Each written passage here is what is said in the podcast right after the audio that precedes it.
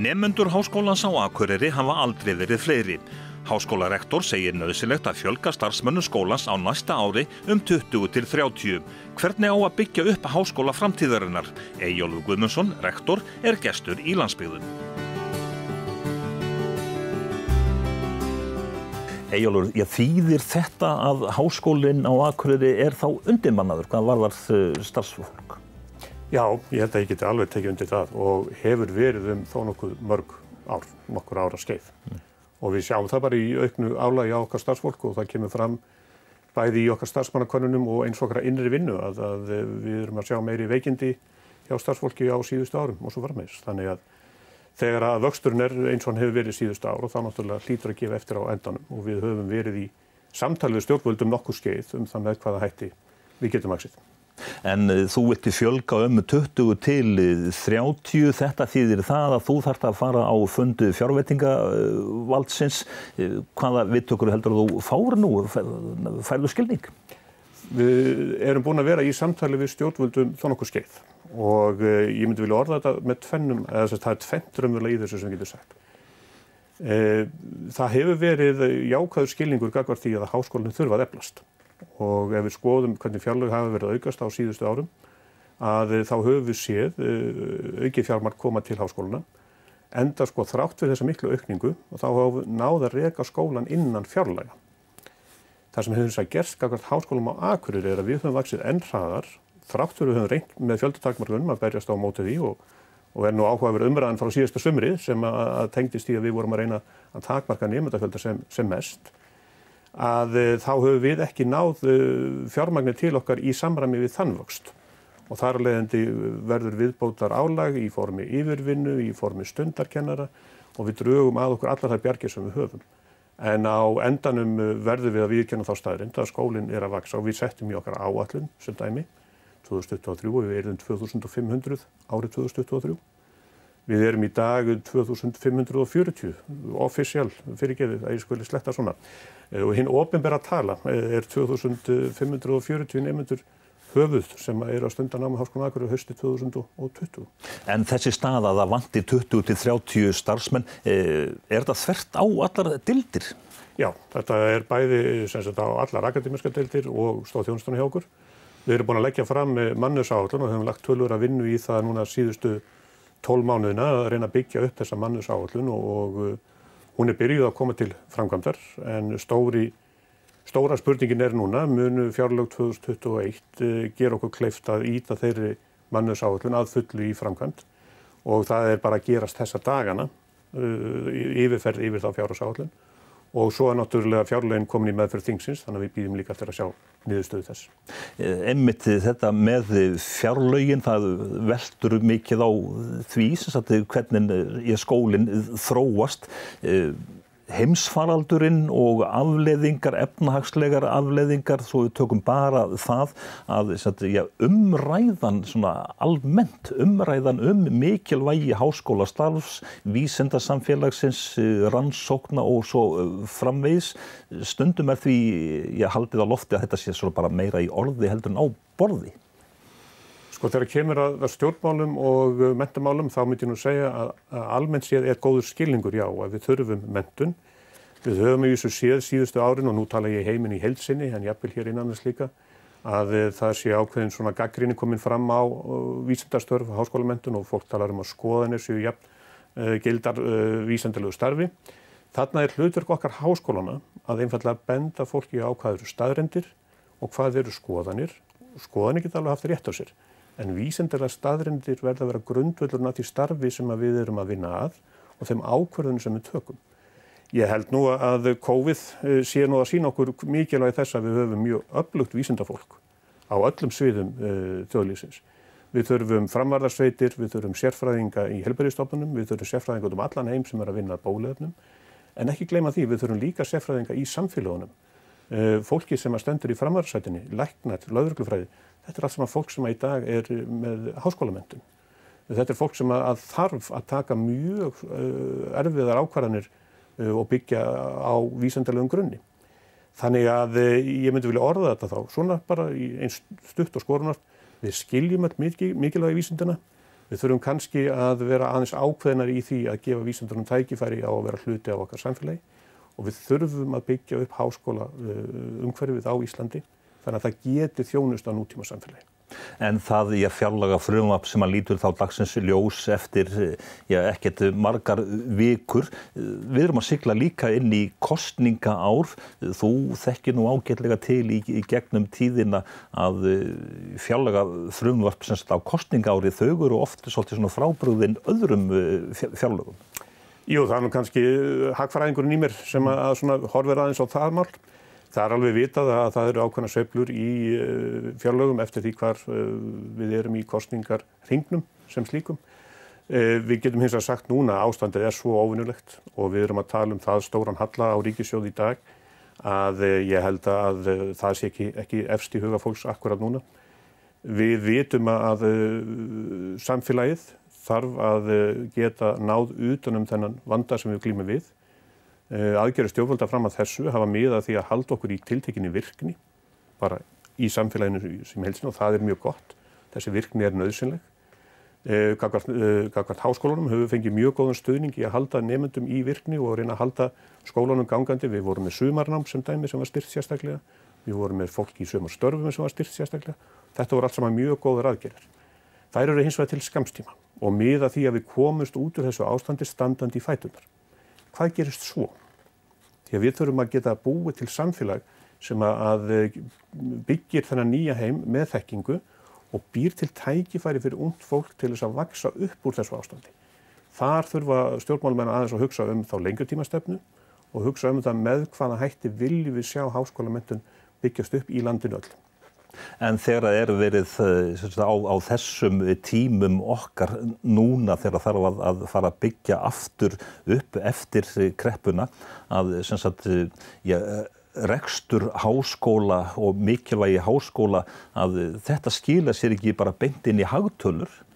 Ekki á því ári sem það fer en það skila sér mjög hratt uh, á, eftir að, að ákveðin uppbygging hefur átt í stað. Við getum hort til bæði sko, uppbyggingar í Ólu í Finnlandi, við getum hort til uppbyggingar í Tromsø í Norri eða við getum hort til uppbyggingar á Kaupanhafnarsvæðinu. Þar er stór hluti af þeim nýri þekkingu, nýju fyrirtækjum, þeirri, þeirri, þeim kjarnar sem myndast á þessum stöðum, kemur í kjölfar þess að stjórnvöld hafa verið með mjög skýra stefnu um uppbyggingu uh, fræða og fagsamfélaga og rannsónarsamfélaga innan uh, þessa háskóla umhverfis og tenging háskóla og atvinnulífs gríðarlega mikilvæg í því samhengi. Háskólan á Akureyri er þrítugur eða rétt um það byl. Við getum þá svona nokkur með sagt að hans er búin að ja, slíta svona í háskóla skónum minnstakosti og við er að taka nýtt í skeið. Hvað vilt þú sjá þar svona fremst ef þú horfið svona nokkur ár til framtíðar? Og í stefnun okkar sem er í dag gildi 2018 til 2023 er gríðarlega áherslu að lögð á uppbyggingu dóttarsnámsins. Við fengum heimil til doktorsnáms 2018 og erum í dag með, ef ég mann þetta rétt, 6 eða 7 doktorsnema sem er að algjörlega fjármagnuð er að stunda rannsóknir sem tengja spennt þenn samfélagum sem við búum í, bæði í heilbyrðiskerfinu, út frá byggðarsjónamiðum og svo framvegs. Þannig að það mun skila sér mjög fljótt til okkar samfélags, þar niðurstöðu sem þar koma fram. E, þegar við erum búin að ná þessari uppbyggingu þessum kjarna í doktorsnáminu, að þá myndi ég sjá fyrir mér háskólastofnun uh, sem að í eðli sínu er alþjóðleg en, en virkar eins og gátt þekkingar og fræða á milli þeirra nærsamfélag sem við þjónum um landa allt og hérna alþjóðlegu þekkingar sem að verða grunnurinn að atvinnulífi framtíðunar. Þannig að við þurfum að tryggja að þessi þekking sé að færast fram á tilbaka. Þekking sem verður til í samfélaginu, fyrir inn í háskólan til ríni og gaggríni þannig að hún sé uh, virt og, og viðurkjönd Eh, viðurkjönd þekking utanfrá sem kemur inn í okkar samfélag og við aðstofum okkar samfélag við að nýta þekkingu til framfara. Við getum tekið dæmi í, í líftækniðinanum eða hugbúnaðurinnanum. Við getum tekið e, dæmi í ferðamanniðinanum og e, framleyslu, sjávröldvi. Allir, þess, allir þessar greinar þurfa á gríðarlega mikill þekkingu að halda þetta. Hvernig ætlar að byggja upp öflugan ferðaðinnan án þekkingar á menningu, listum, umhverfis þáttum umhverjast þóli, eh, arkitektur, uppbyggingu á svæðum, Góðafjórs uppbyggingin fekk nýla velin, en það algjörlega frábært verkefni. Það er gríðarlega þekking á bakvið að setja þetta fram. Þannig sé ég fyrir mér að háskólinn sé mikilvægur hlekkur í því að búa til nútíma samfélag. Það er ekkert, ég er langt síðan Háskólinn á Akureyri fekk heimildi til þess að vera með doktorsnema en þegar er verið að horfa á svona já, árangur háskóla og hvernig er að standa sig þá er já, einn mæli hverðin er að líta á fjölda reytrindra greina í, í viðukendum fagtímarítum hvernig er Háskólinn á Akureyri að standa sig? Mjög vel. Á árunni 2019 uh, skilum við yfir 3000 rannsónastegum sem að telja þetta sem þú ert að minnast á og uh, hefum þar að leiðandi náða að styrkja okkur þar. En það er ekki bara talið í, í tilvittunum og byrtingu greina. Vi, við höfum í okkar kerfi líka uh, stíðakerfi sem að miðast við e, það, sko, við getum sagt, samferðslega samtal sem að fólk á. Fólk sem heldur fyrirlestra fyrir félagarsamtök, e, fólk sem er að vinna með fyrirtækjum í, í beitni þróun. Þetta skiptir líka gríðarlega miklu máli. Þannig að grunnurinn að þekkingunni gerist í tímaritunum sem eru rýtrýnd og eru byrt á alþjóðlu vettvangi algjörlega nöðsynlegt því það er grunnur allir starfseminni. Við verðum hins vegar sem háskólastofnun að vera mjög virki því að koma því á framfæri og það gerist í samtalenu við, við samfélagi. Og þarna getur til minnst að rannsóna hópar verið með mismöndi einstaklinga, sumir er á, á kafi í grunnrannsónunum og menn aðrir í þeim hópi eru meira í því að tengja þann rannsóna grunn út í samfélagi. Þannig verður þetta að, að teimisvinnu sem að er algjörlega nöðslega til þess að við náum að virka í þessu flokna nútíma heimi. En önnur viðmiðun og tiltöla ný, stopnun ársins, sameiki stendur fyrir því og það er gerð könnun meðal starfsfólksins af 140 stæstu fyrirtækjum sem að taka þátt í þessari könnun. Það er háskólan á Akverðinum eða eitthvað í kringum 100 og einhver bara segir, heyrðu, þetta er bara fallengun. Já, þetta er nú kannski ekki beint fallengun því að þetta, ekki, þetta byggist ekki á röðun í sjálfsir. Þetta byggist á skala sem er á, á skalanum 0 til 5 og þeir sem gera konuna samingi líta á allt sem er yfir 3,5 sem góðan árangur. Og þá skiptir ekki máli í raun og veru sko hvað sem margir eru yfir 3,5. Heldur er það absolutt eh, eða sérst talan sem er verið að horfa á.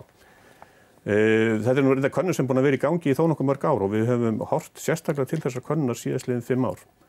Og við höfum verið í kringum þetta 385, 392 Eh, höfum sett okkur þessi markmið að komast yfir einhverjum af fjóran því að við teljum að þetta sé mikilvægum mæluðkvarði á einn mikilvægasta þátt í starfsemi skólans sem er líðan starfsfólksins og það tengis kannski þessu sem við tölum um hér í upphafi að við aukið álæg e, má gera ráð fyrir því að, að fólki líði ekki jafn vel í starfi og þess vegna verðum við að byggja á eflokkar mannuð svo að við getum byggt undir, undir framtíðar eh, áform okkar og tekist á við það sem við erum að klíma við í dag. Hvað varðar eh, stofnununa sem slíka þá lít ég nú líka á að við þurfum að bera okkur saman við stærstu stofnunar. Fólk gleymir því stundum að Háskólan á Akureyri er af einu stærstu ríkistofnun landsins. Ég hef ekki séð eh, formlegan lista en þegar ég hef skoðað annars vegar veldu og hins vegar starfsmannafjölda þá eru við einhverstara bílinu 12 til 15 yfir stærstu stofnunum landsins og og e, það fylgir því náttúrulega sjálfsögðu alltaf ákveðin áskorun þegar stofnarnir stakkaður og orðnáðnar þetta stórar. En þegar að skóli eins, eins og háskólinn á Akureyri þrítugur e, það þýðir vantarlega, ég ger ég ráð fyrir það eru þó nokkuð margi starfsmenn sem hafa unnið þarna mjög lengi og eru þá kannski komnir eða komast á aldur og eru að hætta, það er að verða svona ég, núna þessi árin er að verða svolítið svona hröð skipti, getur við talað um kynnslóðaskipti? Já, við getum talað um kynnslóðaskipti í uh, því í dag. Við svona sáum þessa breytingu byrja í kringum 2015-16 uh, og þetta er tíambil sem verður framundi 2025 en á þeim tíampunkti verður raun og veruð frumkvæðanir sem komu að því mikla uppbyggingastarfi sem að Háskólan Akureyri er og, og, og var að þá var að langklæsti þeirra uh, í raun og veru kominir á eftirlinn og þá verður komin alveg ný kynnslóð starfsmanna við skólan sem að raunverulega tekur við fullmótari stofnun með heimil til doktorsnáms, sem að náma öllum þremur stígum áskólanáms. Uh, stofnun sem er komin uh, á ungdóms, eða hvað við getum við sagt, við erum komin aðeins yfir unglingsárin, mm. svona við erum eins og ungt fólk sem er að byrja að stíga sín fyrstu skref í lífinu, við erum kannski, e, við erum kannski á þrítúsaldri, mm. ef maður orðaða þannig, við erum rétt að komast inn á þrítúsaldurinn og e, það verður mjög fróðilegt að sjá hvernig þetta unga fólk sem er að koma til starfa í dag mun þrófa og móta stopnununa á næstu árum og Íslands samfélagi í kjölfarið. Hvernig gengur háskólanum á Akureyri að fá þá til sín já, virkilega hæft fólk til starfa? Það gengur mjög vel almennt síðan að ná fólki til starfa við Háskólan á Akureyri en það getur verið mismöndi eftir þeim fræðastöðum sem er gildi. E, við vorum nýlega að, að veita Ívon, Dr. Ívon Höller framgangi í prófessor. Hún er einn yngsti prófessorinn sem hefur verið við Háskólan frá upphafi, ef ekki bara svo yngsta. Mm. Hún kom til starfa hjá okkur fyrir fjórum-fimm árum síðan og er mjög eflugur ansvangandi í sálfræði og mun hafa veruleg áhrif á Íslands samfélag á næstu árum. Að samanskapið eru við búin að vera með sjáuröldsvæði í ára tíu en sjáuröldsvæðin er það vinsalt starf og öflugur einstaklingar sem að, að fara að starfa fyrir sjáuröldsvæðin að það hafa tildurlega fáir menta sig til doktorsnáms en það eru, eru sjáuröldsvæði í eðlisinu þerfælig. Þannig að þetta getur verið mjög mismönd eftir fagsviðum hvernig það gengur að fá fólk til starfa en almennt séð hefur það gengið, gengið vel og þegar kemur að stóðþjónustunni hefur það gengið mjög vel en ofinber stopnun sagt, með já, takmarkanir á heimildum til þess að, að greiða laun, viðskiptafræðinga til dæmis, þeir eru með viðskiptafræði braud. Getur þau keft við almenna marka? Nei, ekki, ekki á þeim sviðum, ekki í launum, mm. alls ekki í launum, það er alveg ljóst.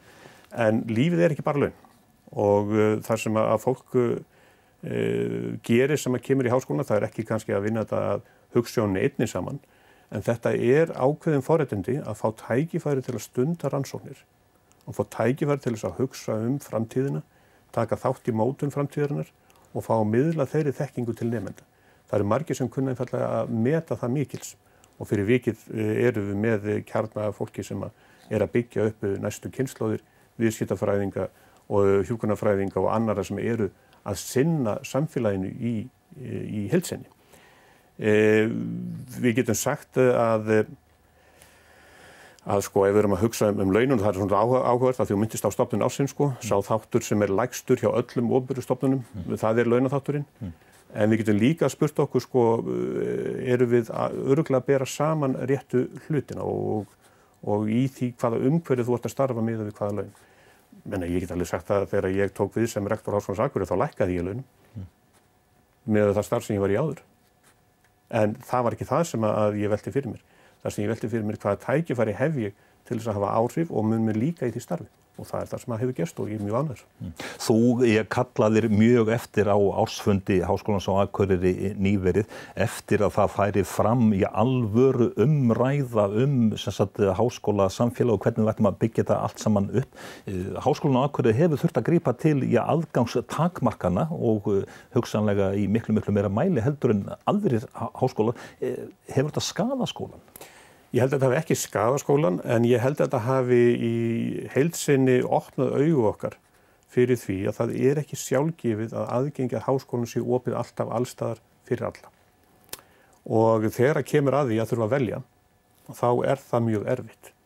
Allar að velja á engunum engungum, allar að velja uh, breytina til þess að ná sem breyðustum nefndahópi inn, þannig að allir hafi tækifæri til háskólanáms allar að velja út frá búsettu, staðsetningu og svo framvegs. Fjárhag? Fjárhag við komum til einstaklinga, til náms, nákvæmlega. Þannig að þegar við fórum í þessa vinnu, að þá er alveg ljóst að við þurftum breyðan grunn en þó það skýran að hægt væri að velja. Og við notum ímsar aðferðir og hefum verið að nota bæði samkjörnispróf, þar sem allir fá tækjaværi til að reyna sig. Við hefum verið að nota röðun, þar sem við röðum upp ákveðnum þáttum og uh, þetta hefur sínt sig að það verður mjög mismunandi val einstaklingana. Þessan er það sem ég kalla eftir og segi, viljum við þannig samfélag í framtíðinni?